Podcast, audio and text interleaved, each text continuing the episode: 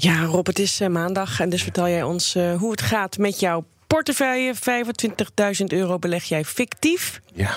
Nou, het is uh, coronacrisis op de beurzen. Het Ja. kleurt rood. Ja, Hoe dus, hard is jouw portefeuille geraakt? dus is het ook coronacrisis in de portefeuille van Janssen Beleg? Dat kan natuurlijk niet anders.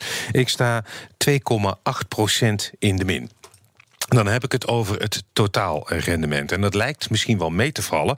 Hè, als je kijkt naar het geweld wat er is gebeurd. Maar ja, laten we wel wezen. eh, Zo'n week of twee geleden eh, stond ik hier ook. En toen hadden we het, al- keken we aan tegen een plus van zo'n 14 Ja. Dus dat is best wel een flinke tik naar beneden. Nou, maar nou heb jij best wel een brede portefeuille, Ja, dat Rob. klopt. En- Ja, maar die is, die is helaas ook breed geraakt. Maar ook de farmaceuten. Want Jawel, vorige week zagen ja, we nog ja. die het nog best wel goed deden. Wat logisch is, want die geneesmiddelen... maar dat is, wel, dat is er wel uit als je kijkt naar het eh, totaal rendement. En normaal gesproken heb ik zo'n eh, stuk of drie aandelen die eh, in de min staan. En nu heb ik er vier die eh, in de plus staan. En de rest allemaal in de min. En dan heb ik het dus wel over het totaalrendement.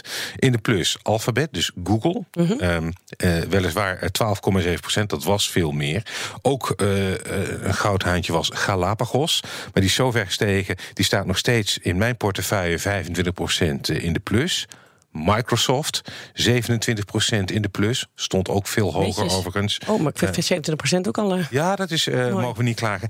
En stabiel, vorige week met cijfers gekomen, Wolters Kluwer. Iedereen vindt het een bokkensaai aandeel. Ehm, ze leveren, Mhm. De eh, uitgever. de uitgever, ja, vooral tegenwoordig een eh, informatiebedrijf. Ja. Digitale informatie, software voor met name professionals, juristen, eh, accountants, noem maar op. Ehm, dat is een constante goudmijn. Eh, daar komt gewoon veel geld binnen. eh, relatief laag risico. Het kan jou Staat- niet saaier wat dat betreft. kan niet saai. En eh, staat gewoon 7,8% nog in de plus.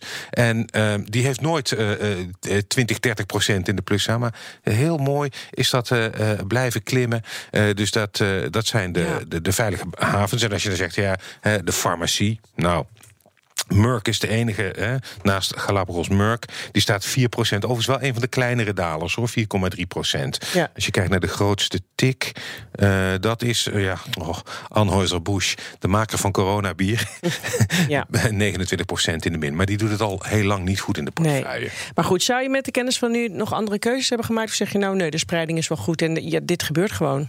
Ja, eh, eh, dat laatste. Ik vind eh, de, de, de portefeuille is met zorg samengesteld. Die bedrijven zijn goed. Dus als het aantrekt, eh, staat die portefeuille ook. eh, ik denk dat ik hoop snel naar een situatie te gaan dat eh, het merendeel weer gewoon in de plus staat. Ja, en ga je nog een beetje bodemvissen?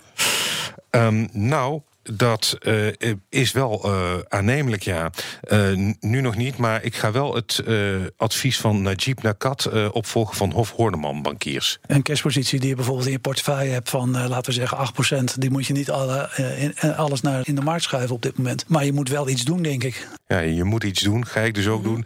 Eh, hij zei dit afgelopen vrijdag in Beurswatch. Ik heb 3900 euro nog in kas. En een deel daarvan gaat dus belegd worden. Ik heb nog geen keuze gemaakt van Nee. welke maar aandeel. goed, nu, gaan. Sta- nu staan een paar aandelen natuurlijk wel lekker laag, zou ja, je dat zeggen? klopt. Ja, olieaandelen worden veel getipt. Hè, Je moet nu in olie, de olieprijs is flink gezakt. Dat gaat misschien weer aantrekken. Ik ben nog niet uit, dat hoor je volgende week. Dankjewel, Rob.